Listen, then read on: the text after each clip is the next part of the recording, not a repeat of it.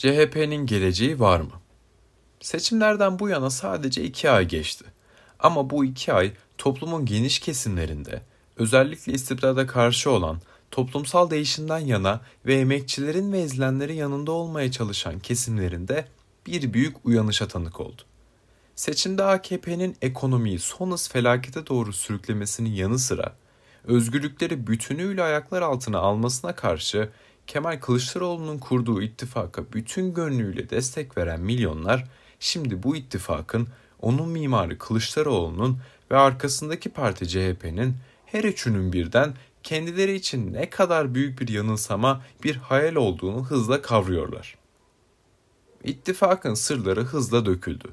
Kılıçdaroğlu sayesinde 400'ü aşkın gericinin toplandığı bir meclis, şimdiden AKP ile işbirliği yapacağının işaretini veren müttefikler ve toptan çöken bir ortaklık halka ne kadar zavallı bir projeyle karşı karşıya olduğunu erkenden anlattı.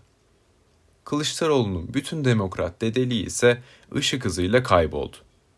Partiyi derhal hallaç pamuğu gibi kendi çıkarlarına göre düzenlemeye girişti.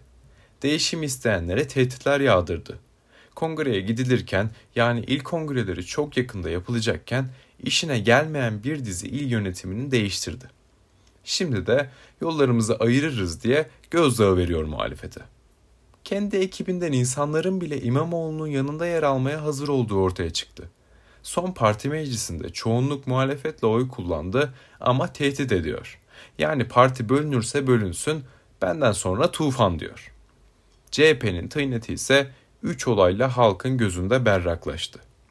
Birincisi Mehmet Şimşek ve ekibinin IMF'ci kemer sıkma politikasının ipuçları hızla ortaya çıkmaya başladığı halde CHP'nin bu politikaya en ufak bir itirazı olmadığı belli oldu.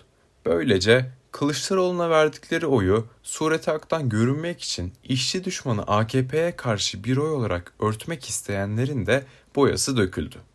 Tersine bizim seçimden önce televizyonlarda da açıkça söylediğimiz gibi Millet İttifakı'nın da aynı yolun yolcusu olduğu kanıtlandı.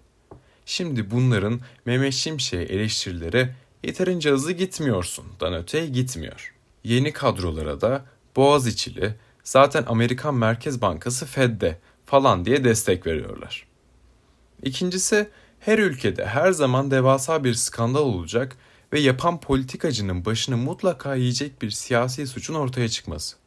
Faşist ırkçı Ümit Özdağ iki tur arasında halka açıklanan protokolün dışında Kılıçdaroğlu ile yazılı bir anlaşma yaptıklarını, kendisine İçişleri Bakanlığı'nın vaat edildiğini, ayrıca iki bakanlığın ve MİT müsteşarlığının da partisine verileceğinin kararlaştırıldığını açıkladı.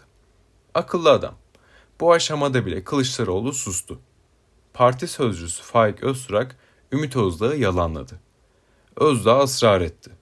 Kılıçdaroğlu bir televizyon görüşmesinde yazılı belge ortaya çıkınca daha da fazla rezil olacağını bildiği için Ümit Özdağ'ı doğruladı.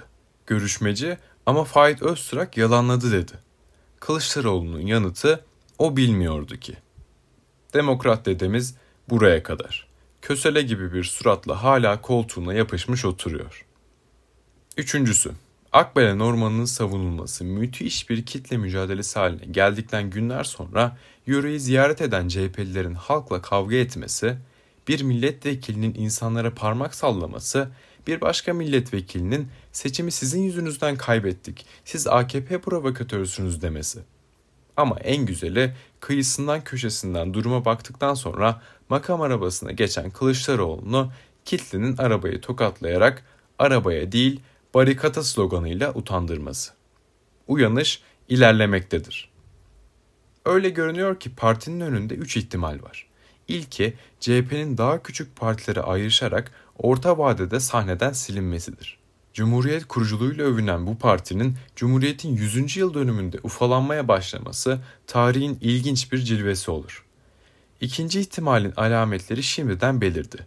İmamoğlu rakibinin bütün direncine rağmen kongrede başkanlığa getirilir. Parti bir yeni umut pırıltısı sayesinde gelecek seçime kadar yaşar. İmamoğlu'nun en ufak bir programı yok. Olanı Erdoğan'ın eser bırakmak ideolojisiyle sınırlı.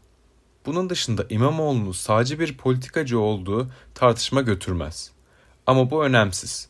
Zira CHP uzun yıllardır sağcı bir parti olmuştur. CHP'nin solculuğu, 1960 yıllarda yükselen işçi sınıfı hareketini mahsetmek, onun dönemin canlı sosyalist hareketleriyle bütünleşmesini önlemek için geliştirilmiş bir stratejik yönelişti. 12 Eylül işçi hareketini durdurdu. Solu yenilgiye uğrattı. Solcu bir CHP'ye ihtiyaç kalmadı. Bir miktar yalpalanmadan sonra CHP merkez sağdaki boşluğu da doldurmak amacıyla kendine yakışanı yaptı, solu tamamıyla terk etti. İmamoğlu bu yeni kisveye uygundur. Tabii bir de üçüncü bir ihtimal var. Şayet İmamoğlu'nun yükselişi önlenebilirse, Kılıçdaroğlu Ümit Özdağ ile anlaşmaya dayalı stratejiyi izleyerek Türkiye'nin Marine Le Pen'i ya da Giorgia Meloni'si olabilir. Yakışır. Hatta neden olmasın. Kılıçdaroğlu İmamoğlu'na karşı kurultayı kazanamayacağını görürse belki de Ümit Özdağ'ı partiye çağırıp onu başkan adayı olarak sunar. Böylece CHP Cumhuriyet'in ikinci yüzyılına Kılıçdaroğlu'nun zaman zaman övünerek vurguladığı CHP'nin ülkücülerine teslim olmuş bir parti miras bırakmış olur. CHP'nin bu sefil durumu bize AKP istibdadının Türkiye'yi tam anlamıyla bir uçuruma sürüklemekte olduğunu unutturmamalı. İşçi sınıfını ve emekçileri perişan eden program ve NATO hizmetkarlığı koyu bir istibdad ile birleşiyor. Ülkeyi bu katlanılmaz durumdan CHP'nin buharlaştığı bir dönemde işçi emekçi sınıfların ve ezilenlerin kalbini kazanacak bir proleter partisinin kurtarması için elimizden geleni ardımıza koymayacağız.''